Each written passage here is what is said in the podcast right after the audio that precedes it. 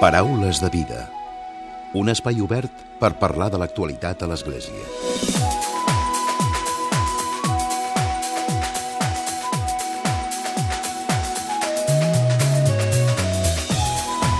Què tal? Salutacions i molt bon dia, molt bon diumenge. L'economista i expresident de Justícia i Pau, Arcadi Oliveres, ha rebut recentment la medalla al mèrit cívic de la ciutat de Barcelona, un premi que destaca que posa en valor la seva feina en pro del pacifisme i l'activisme dels drets humans. Arcadi Oliveres és, en paraules de l'alcaldessa de Barcelona, Ada Colau, un mestre del pensament crític. Al seu discurs, Oliveres va parlar de la ciutat que somia.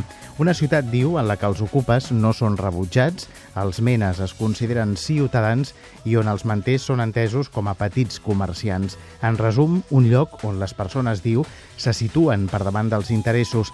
De seguida parlem, de seguida el saludem, l'Arcadi Oliveres. I avui també parlarem de la desena edició de les Jornades d'Història del Monestir de les Avellanes, Història de l'Església i la Religiositat. És una edició especial que girarà l'entorn del lema Hora et Labora, la vida diària als monestirs medievals. Es faran el dilluns 8 i el dimarts 9 de juliol. En parlarem també a la segona part del programa i ho farem amb en Robert Porta. És el director del monestir de les Avellanes.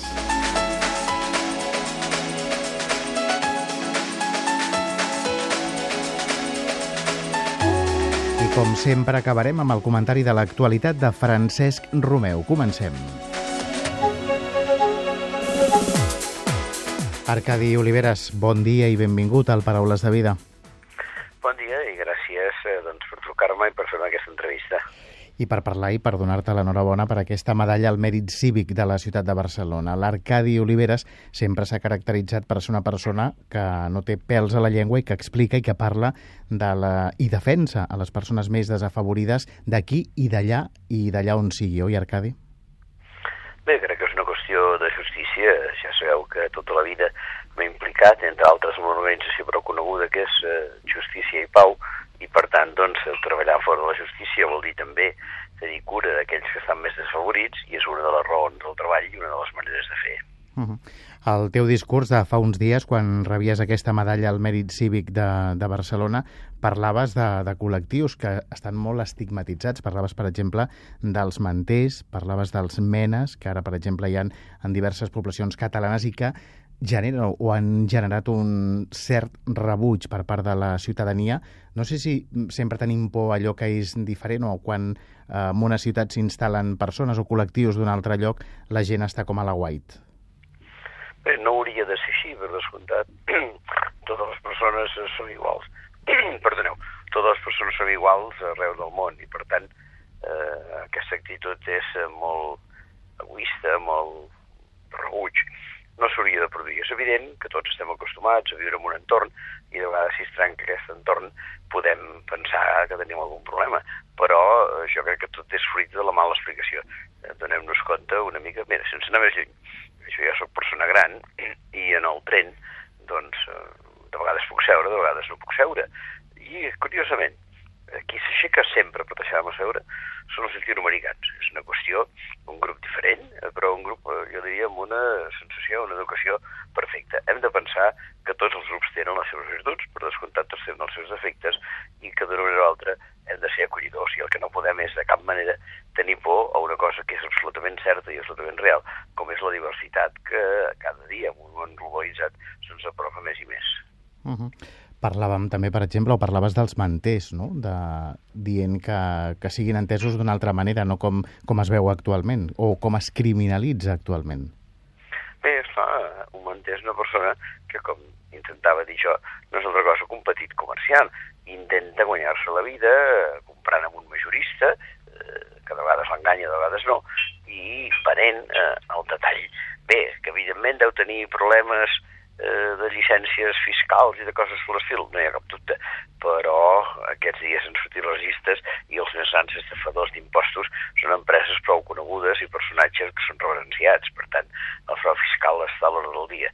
I tanmateix aquestes persones treballen d'aquesta manera perquè estem en una societat que no ha sigut capaç d'oferir-los un treball ben remunerat i un treball estable. La culpa, per descomptat, no és d'ells. La culpa és nostra per tenir-los en aquesta situació i eh, totes aquestes persones que fan de manters, altres que viuen en la indigència, poguessin viure bé, només que aquells que més tenen tinguessin una mica menys, la cosa ja s'equilibraria. Per tant, no anar-los a buscar gens ni mica la responsabilitat amb ells, sinó buscar-la a tots nosaltres i sovint a persones que tenen poder, que tenen prestigi completament immerescut. Uh -huh. A la teva, al llarg de la teva carrera professional, Arcadi, has parlat del que de fet també parla l'Església, no? de posar una economia, l'economia al servei de les persones, que sigui una economia social, que sigui solidària. S'aconseguirà algun dia això? Bé, eh, no sembla fàcil avui en dia. Eh, l'economia, tal com la van ensenyar quan jo era petit, havia d'estar precisament al servei de les persones, havia de servir per cobrir les necessitats de tots els ciutadans, i resulta que avui en dia hi ha necessitats bàsiques, començant amb la pròpia alimentació, que no estan cobertes. Eh, les Nacions Unides ens parlen eh, d'unes 20 o 25.000 persones mortes diàriament de fam en un planeta que llença el 30% dels aliments. Això és la situació més absurda de l'economia que es pugui viure. Però, eh, sobretot, jo diria que el gran escàndol actual és el que podríem dir el desequilibri, la desigualtat entre els més rics i els més pobres. Una ONG que també troba els seus orígens a l'Església, com és Oxfam Intermón, ens parla en el seu darrer informe de que 26 persones en aquest planeta tenen una fortuna equivalent a la meitat de la humanitat, equivalent a 3.800 milions de persones. Això és senzillament pornografia. Això és inacceptable del tot. I, per tant, és per aquí ara hem d'anar buscant solucions a l'economia, més que no pas rebutjant en aquells que, com a manters o a petits comerciants, es volen guanyar, jo diria que justament i dignament la vida. Amb la perspectiva que et dona el temps, com veus eh, les lluites actuals, les lluites socials actuals, Arcadi? Bé, evidentment, les són permanents. Perdoneu. La lluita per la supervivència de les persones ha existit sempre. Ara, en aquest context actual, de vegades esdevé una mica més difícil. Eh, jo diria que esdevé més difícil, primer, per la precarietat laboral existent. Resulta que aquesta economia és capaç de generar molts beneficis, però no és capaç de donar feina a tothom, cosa que es podria fer perfectament amb una reducció de la jornada de treball i una un repartiment, una divisió més ben feta del treball, i no es vol fer. Evidentment, és una economia que també ens porta a situacions difícils i sobretot en aquells, i estic pensant en els migrants i refugiats, en els quals una posició absolutament egoista dels estats i de la Unió Europea els hi nega el mínim document necessari per poder accedir a un treball digne i si ho tenen és sempre gràcies a situacions d'explotació i d'abús. Tot això pensem que és la nostra responsabilitat i l'hem de tenir sempre la gent. Per tant, eh, cada vegada viu en condicions més precàries, almenys una part important de la humanitat hi viu. Caldria donar un tom. Jo, per naturalesa, sóc optimista. Crec que aquest tom mínimament ha començat i m'atreviria a posar dos punts eh, positius en aquest sentit. Per una banda, el propi creixement d'això que s'ha posat de moda dir-ne, l'economia social, solidària, ecològica, ètica, cooperativa, diguem-ne com vulgueu, que té un florilegi important en aquest moment i que demostra que la gent pot treballar en condicions millors, en condicions d'igualtat, en condicions de cooperació. I l'altre tema, sense dubte important, és que hi comença a haver un sentiment molt generalitzat de que aquesta economia capitalista que abusa dels recursos de la terra no ens porta res i que al contrari ens ha conduït doncs, a un escalfament global, ens ha conduït a un esgotament de recursos, ens ha conduït a una contaminació constant i que, per tant, cal canviar el sistema. Per tant, primer, consciència que aquest sistema no és bo. I segon, petites iniciatives que intenten transformar-ho són dos punts d'optimisme que per mi són importants. De fet, ara parlaves de la paraula clau, l'ecologisme, que tu n'has parlat també al llarg de, de la teva carrera. Ara fa pocs dies em parlava dels efectes del canvi climàtic, ara veiem amb aquests incendis que ens afecten, de les onades de calor, i deien, és que el problema no és el canvi climàtic, el problema és el sistema, el capitalisme, que fa que mm, arribem a aquesta situació, que ens aboqui a aquesta situació. Clar, per descomptat, el capitalisme ens porta situació i una mala, pèssima administració de recursos. Per exemple, ja sabeu que m'he dedicat sempre, a part d'aquestes qüestions que assenyaleu, a unes qüestions com les de la desmilitarització i del pacifisme, l'altre dia llegia un informe que explicava que només amb un terç de la despesa militar espanyola anual es podria subvenir a les necessitats dels que més pateixen. Només un terç de la despesa militar espanyola. Recordem-ho, són 52 milions d'euros al dia. Només amb un terç d'aquesta qüestió resoldria molts problemes i en canvi ens estem armant fins a les dents per fer front a enemics que per cert no existeixen ni han existit mai. I això ho veuen parlaments teòricament democràtics any darrere any el tirar endavant els pressupostos de l'Estat. Cal tenir en compte aquestes qüestions i també, eh, seguint parlant del mateix tema, fèieu referència en els recents incendis forestals, és evident que doncs, tot el que té a veure amb la naturalesa necessita una cura molt més important, destinem recursos absurds a altres necessitats, per exemple el rescat bancari, i en canvi no destinem a necessitats primàries. L'administració és pèssima, és pèssima en l'actuació d'aquells que tenen responsabilitats en aquest sentit, i sovint és pèssima l'actuació dels electors que acaben mantenint el poder a persones que no es mereixen. Uh -huh. Parlàvem d'ecologisme, el papa Francesc també n'ha parlat des que es va posar al capdavant de l'Església precisament de, de la lluita contra el canvi climàtic, de l'ecologisme, del respecte al medi ambient, a la natura. Com, com ho veus? Després també també ha estat eh, president de Justícia i Pau, Arcadi. Bé, mira, de Justícia i Pau en aquest moment, encara que jo ja no en soc gens responsable, està tirant endavant un programa per convertir les diferents parròquies de Catalunya en petits centres d'activitat ecològica. Per tant, estem mm. plenament eh, doncs, eh, tirant endavant aquest procés que penso que eh, val la pena tenir-lo en compte. La Maria Bargalló és responsable dins d'Isticipau d'aquestes actuacions i ho fa amb una empenta eh, colossal. Ara, eh, dit això, jo diria que de vegades produeixen situacions absurdes. Un dels problemes greus ecològics en aquest moment és la contaminació per frenar el tema de la contaminació es van aprovar ja fa alguns anys les anomenades convencions de Kyoto, d'aquesta ciutat japonesa, amb la intenció de que tots els països doncs, emetessin menys CO2 a l'atmosfera. Què ha fet l'estat espanyol?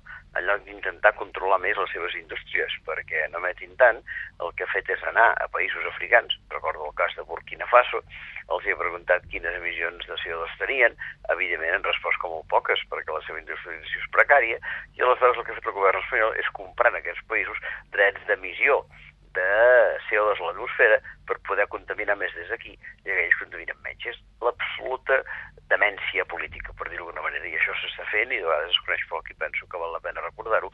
Evidentment, els problemes ecològics no resolen gens ni mica d'aquesta manera. Uh -huh. Arcadi Oliveres, que ha rebut aquests dies, com us expliquem, aquesta medalla al mèrit cívic de la ciutat de Barcelona. Arcadi, recorden la, la biografia que passava en teva, una trajectòria de 50 anys impulsant iniciatives en favor dels drets humans, que ara ho hem destacat, la justícia social, però també lluites, eh, com per exemple amb l'antifranquisme, en la lluita contra la pena de mort, contra el comerç d'armes, el moviment pacifista i antimilitarista, entre d'altres, un extens currículum i ara, eh, arribats a aquest moment, Arcadi, el fet de que et donguin la medalla al mèrit cívic de la ciutat de Barcelona, a nivell més personal, què representa per tu? Bé, l'edat, evidentment, comporta que et puguin donar algun guardó, perquè quan ets jovenet no has tingut capacitat ni temps per fer-ho, però per descomptat, primer em dona gran satisfacció, eh, ja no n'he vist, però he estat la major part de la meva vida visquent a Barcelona, per tant és la meva ciutat, aprecio que la meva ciutat m'hagi donat aquest eh, guardó, i me l'hagi donat sobretot pel mèrit cívic. Eh, altres mèrits segur que no en tinc de cap manera, ni artístic, ni cultural, ni científic, ni coses d'aquesta mena, però eh, des del punt de vista cívic és una mica aquesta trajectòria de la que heu parlat, que he anat reproduint tots els anys, i per tant no deixa de ser una satisfacció que t'ho doni eh, un ajuntament, que jo penso que doncs, en els darrers anys ha fet el possible per millorar les condicions de vida dels ciutadans, esperem que en el futur també ho faci, i eh, tinc la impressió que per mi aquestes alçades de satisfacció, més encara tenint en compte que en l'acte d'entrega, doncs, afortunadament, em vaig haver rodejat de molts amics i molts familiars i això no deixa de ser un acte entranyable que tots ens agrada viure en un moment o altre de la nostra existència. És actualment la teva la ciutat que vols, la ciutat de Barcelona que vols, Arcadi? Ja per acabar. No, no és la que vull, però de totes les que hi ha al món és de les que jo diria que està potser més ben encaminada. En els moments actuals, eh, Barcelona eh, ha sigut ciutat doncs, de referència en qüestions com ara parlàvem eh, de l'ecologia, ciutats de referència doncs, per descomptat amb els temes de l'economia ecològica de la que parlava, ciutat de referència pel seu pacifisme històric, pensem que la més gran manifestació contra la guerra d'Iraq va tenir lloc a Barcelona, i ciutat de referència, per què no?, per haver sigut el cap i casal que el dia d'octubre de l'any 2017 va organitzar una cosa completament legítima com era un referèndum per l'autodeterminació dels pobles. Per tant, tinc l'impressió que tenim un balanç positiu, jo per edat no ho veuré, per als que sou més joves, veureu que d'aquí 30 o 40 anys es parla de Barcelona com una ciutat senyera de cara al progrés de la gent. Arcadi, gràcies, com sempre, per atendre la nostra trucada i enhorabona. Gràcies a vosaltres per trucar-me i que vagi bé el programa i fins una altra estona. Adéu-siau. Paraules de vida. Un espai obert per parlar de l'actualitat a l'Església. I tot seguit parlem amb en Robert Porta, ell és el director del monestir de les Avellanes. Amb ell, amb el que queda de programa, volem parlar d'aquestes jornades d'història del monestir de les Avellanes. Robert, bon dia benvingut. Hola, bon dia, moltes gràcies. Unes jornades que arriben a la seva desena edició i que enguany són especials, són diferents, oi, Robert? Bé, sí, arribem diferents en aquest sentit perquè doncs, tanquem un cicle que és haver arribat a aquestes desenes jornades d'història de l'Església i la religiositat que impulsem aquí al Monestir de les Avellanes juntament amb la Universitat de Lleida des del 2010 i jo crec que això és el que, el que les fa diferents per damunt de tot. No? El lema que heu escollit per aquestes desenes jornades són Hora et labora, la vida diària als monestirs medievals. Com eh, o en, en quina temàtica giraran les diferents eh, ponències que, que heu preparat?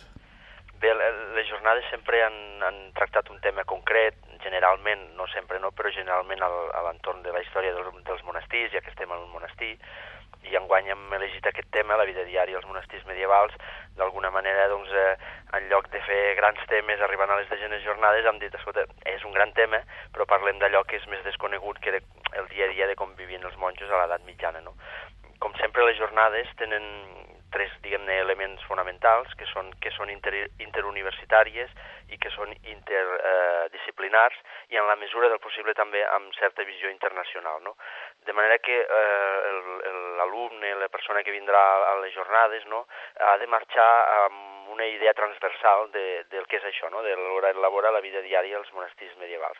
Per tant, tractarem eh, aquesta idea de com era l'ideal de viure en comunitat a l'edat mitjana i després, en comparativa, com era la realitat, és a dir, com es complia la norma, com s'aconseguia doncs, eh, aquest, eh, aquest ideal no, de monestir. Eh, també tractarem eh, o veurem la part de litúrgia, veurem també la relació del monestir amb el seu entorn, tant des d'un punt de vista polític com des d'un punt de vista més d'activitats. Parlarem de coses tan diguem-ne, mundanes, no? com l'alimentació, el dormir, la gestió econòmica del, del monestir, però també parlarem de la música, eh, de la litúrgia, com hem dit, de com s'elegien les comunitats, eh, etc. No? Per tant, és aquesta visió transversal del tema principal. No? I a més a més un sopar medieval, no?, que fareu també al monestir de Sant Cugat. Sí, bé, el, el, el, és a dir, el jornades d'història, el que vam fer a partir de la tercera edició és sempre mantindre aquest nivell acadèmic amb professors d'universitat, de diverses universitats, no? Ja hi han passat més de 117 professors diferents, portar-ho aquí al territori, al monestir, precisament per parlar d'història de monestirs, però a la vegada el que veiem era per arribar encara a un públic més ampli calia fer activitats de divulgació científica, activitats més culturals, i vam anar creant doncs, exposicions, visites guiades al patrimoni més local, eh, concert, el concert nocturn al claustre, i l'element estrella, perquè és la que té més, més eh, diguem-ne, participants, que és el sopar medieval. No? I aquest sopar medieval d'aquest any, perquè cada any també toquem un tema diferent, doncs parla del rigor de les dietes monàstiques medievals i agafem un àpat real eh, de, del monestir de Sant Cugat del Vallès, que, que està inscrit al, al seu llibre de, de costums, no? i que se celebrava a l'entorn de l'any 1220, no? és un menú de celebració i celebrar a l'entorn d'aquest any. Nosaltres, la, la gràcia d'aquest àpat és que un professor d'història fa aquesta recerca, recupera el menú i després es reuneix amb el, amb el xef d'aquí del restaurant del monestir i el que fan és diverses proves fins a trobar el punt que creuen ideal de reproducció d'aquest àpat. I al comensal, eh, la gràcia està en viure aquesta experiència gastronòmica doncs, per fer aquest viatge per la història. No? Unes jornades, Robert, recordem que es fan el proper cap de setmana, el 8 i 9 de juliol. Sí, bé, dilluns, dilluns, dilluns i dimarts. I dimarts. Sí, 8 i 9 de juliol. Eh, sí, eh, d'aquests dos dies, normalment sempre hem fet dos dies, que con, con, contenen doncs, totes aquestes activitats, no? les xerrades amb dues sessions, eh, les activitats com el sopar medieval i el concert, la visita guiada, eh, en fi, tot el, aquest conjunt i una exposició també en guany que recordarà aquests 10 anys de, de jornades. No? -huh. Robert, gràcies i molta sort. Moltes gràcies a vosaltres. Paraules de vida. Solidaritat i compromís. Més reflexió de l'actualitat i ara en Francesc Romeu. Francesc, molt bon dia. Molt bon dia a tothom. Aquesta setmana, la darrera del mes de juny, la de la gran calorada a Europa i la del gran incendi a la Ribera d'Ebre a Catalunya, no em puc treure del cap una fotografia llunyana. Es tracta de la fotografia d'un pare i una filla abraçats l'un a l'altre, morts cap per avall, ofegats en el marge del Rio Grande, en la frontera entre Mèxic i els Estats Units. Ens diuen des de Roma que el papa francès l'ha vist amb immensa tristesa. Immediatament va declarar Alessandro Gisotti, director interí de l'oficina de premsa de la Santa Seu, el papa, després de veure la foto profundament adolorit, s'ha posat a pregar. Diu el periodista oficial que el papa ha pregat per aquests morts, ha resat per ells i per tots els migrants que han perdut la vida tractant d'escapar de la guerra i la misèria. Això ho ha comunicat el cap de premsa aquest passat dimecres en resposta a les preguntes d'alguns periodistes en una roda de premsa. Però què sabem de la foto? Sabem que la va fer una periodista, Julia Leduc, i que la van publicar al diari mexicà La Jornada. Pel que hem pogut saber, els qui apareixen són Òscar Alberto Martínez, de 25 anys, i la seva filla Valèria, de pocs menys de dos anys, procedents del Salvador, i que van perdre la, la vida en intentar creuar el Rio Bravo, segons va informar a les autoritats l'esposa i mare dels morts, Tania Vanessa Ábalos, de 21 anys. Segons sembla, la decisió de creuar el riu, tot nedant, va estar presa i motivada pel greu empitjorament de la situació de tants migrants que hi ha a Mèxic, degut a les pressions que està fent el president Donald Trump sobre el president de Mèxic, Andrés Manuel López Obrador, per tal de no, que no passin cap al nord. La mare va dir que ella els va veure com busca, que buscaven un futur millor per la seva filla. A l'hora de creuar el riu, Tània va veure des de la riba com el corrent s'emportava el seu marit i com la nena corria darrere el seu pare, com el pare l'agafava i com l'aigua se'ls enduia tots dos riu avall. La tragèdia va succeir a la ciutat mexicana de Matamoros, al, al nord-oriental de l'estat mexicà de Tamaulipas, aproximadament a un quilòmetre del pont nou internacional.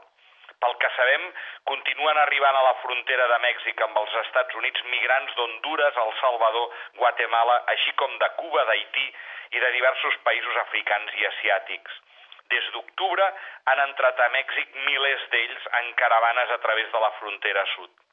En la fotografia es veu com el pare ja mort agafa protectorament el cap de la seva filla sota la seva samarreta negra i com la nena l'abraça i destaca molt la samarreta vermella de la seva filla petita. El fet que estiguin d'esquena ofegats i aquesta samarreta vermella de la nena petita ens ha fet recuperar una altra fotografia. Tots recordareu la fotografia d'aquell nen petit, també amb samarreta vermella, l'Ailan Kurdi, el nen sirià ofegat i trobat el 2 de setembre del 2015, també cap per avall, entre la illa grega de Kos i la platja turca de Bodrum. Una fotografia que va emocionar i indignar a molta gent. Per què hi barrejo amb tot això el papa Francesc? Doncs molt senzill, perquè el papa francès, molt a prop d'allà mateix, al costat de la llera d'aquest riu, havia aixecat el seu crit d'alerta tot dient mai més la mort i l'explotació. Va ser al febrer del 2016, quan el papa va celebrar la missa a Ciutat Juárez, just en la línia fronterera entre Mèxic i els Estats Units amb els fidels d'un costat i de l'altre del mur que ara els divideix. En la seva homilia, el papa va recordar que no es pot negar la crisi humanitària que en aquests darrers anys ha significat la migració de milers de persones, ja sigui per tren, per carretera i fins i tot a peu, travessant centenars de quilòmetres de muntanyes, deserts i camins inhòspits. Aquesta tragèdia humana que representa la migració forçada és avui en dia un fenomen global. Aquesta crisi que es pot mesurar en xifres, nosaltres la volem mesurar amb noms, amb històries, per famílies. Són germans i germanes que surten expulsats per la pobresa i la violència, pel narcotràfic i el crim organitzat. Aleshores va ser quan el papa va proposar de pregar per obtenir el do de la conversió, el do de les llàgrimes, i va afegir no més morts ni explotació, Sempre hi ha temps per canviar, sempre hi ha una sortida i sempre hi ha una oportunitat, sempre hi ha temps d'implorar la misericòrdia del Pare. Molt bon diumenge a tothom!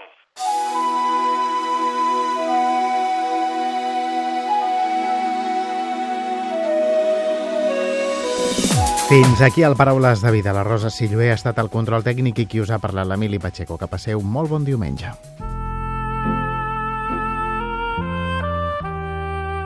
Us oferim la carta dominical de l'arcabisbe de Barcelona, Joan Josep Omella.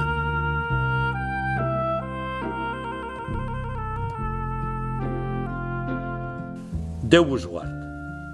He de confessar que escric amb cert respecte sobre l'economia de l'Església, tema delicat i que requereix uns coneixements tècnics no sempre fàcils d'exposar. No obstant això, considero que és oportú dedicar aquesta carta setmanal a un informe presentat recentment per la Conferència Episcopal Espanyola. Aquest informe ha estat elaborat per una important consultora internacional. En aquest estudi s'avalua únicament l'impacte socioeconòmic de les 69 cúries diocesanes i de les 23.000 parròquies que hi ha a Espanya. Tot això sense tenir en compte l'extraordinària tasca que fan molts laics i consagrats, així com institucions catòliques en camps com l'educació, la sanitat, l'assistència social, entre altres. A la pregunta d'on procedeixen els seus recursos, l'estudi assenyala les diverses fonts i en destaca com a principals les aportacions voluntàries dels fidels, 36%, l'assignació tributària, 24%, altres ingressos corrents, 20%, i els ingressos del patrimoni i altres activitats, 12%. El que l'Església rep mitjançant l'assignació tributària, és dir, 0,7% de l'IRPF, prové del que els ciutadans decideixen lliurement enmarcar la casella corresponent a l'Església Catòlica en la declaració de la renda. Com és recordar que des dels acords de desembre de 2006 entre el govern espanyol i la Santa Seu, en els pressupostos generals de l'Estat no existeix cap dotació pressupostària per al sosteniment de l'Església Catòlica. L'Església diocesana fa anys que treballa per aconseguir els recursos suficients que necessita. Actualment, més de tres quarts parts dels seus ingressos procedeixen de fonts pròpies. Això diferencia l'Església d'altres institucions com partits, sindicats o ONG que sostenen bàsicament de diners públics. Segons aquest informe, la repercussió econòmica de la tasca social realitzada per les 23.000 parròquies distribuïdes per tot el territori espanyol va ser de 1.386 milions d'euros. A més, si ens fixem en la tasca assistencial, descobrim que l'Església diocesana multiplica per 2,5 cada euro que rep. Convé conèixer totes aquestes dades – però no oblidem que el que mou l'acció de l'Església és la missió rebuda de Jesucrist. La veritable repercussió social de l'Església es manifesta en l'anunci de Jesucrist i en l'edificació d'una societat més humana, fraterna i esperançada. Si amb això, a més, centreu un profit econòmic, beneït sia. A la mateixa hora en què aquest estudi era presentat a Madrid, el papa Francesc rebia els nous ambaixadors davant la Santa Seu i els deia Permeteu-me referir-me a l'alta responsabilitat que compartim en la protecció dels més vulnerables, la necessitat urgent de parar atenció als més pobres dels nostres ciutadans és un deure clar. Això s'expressa quan ens unim per promoure el seu desenvolupament integral. Aquesta unió té un nom concret, fraternitat. Benvolguts germans, tant de bo l'Església, la família dels cristians, rebi de Déu la força i la llum necessàries per poder continuar la missió de fer créixer l'amor, l'esperança i la confiança en el món. Us hem ofert la carta dominical de l'arcabisbe de Barcelona, Joan Josep Omella.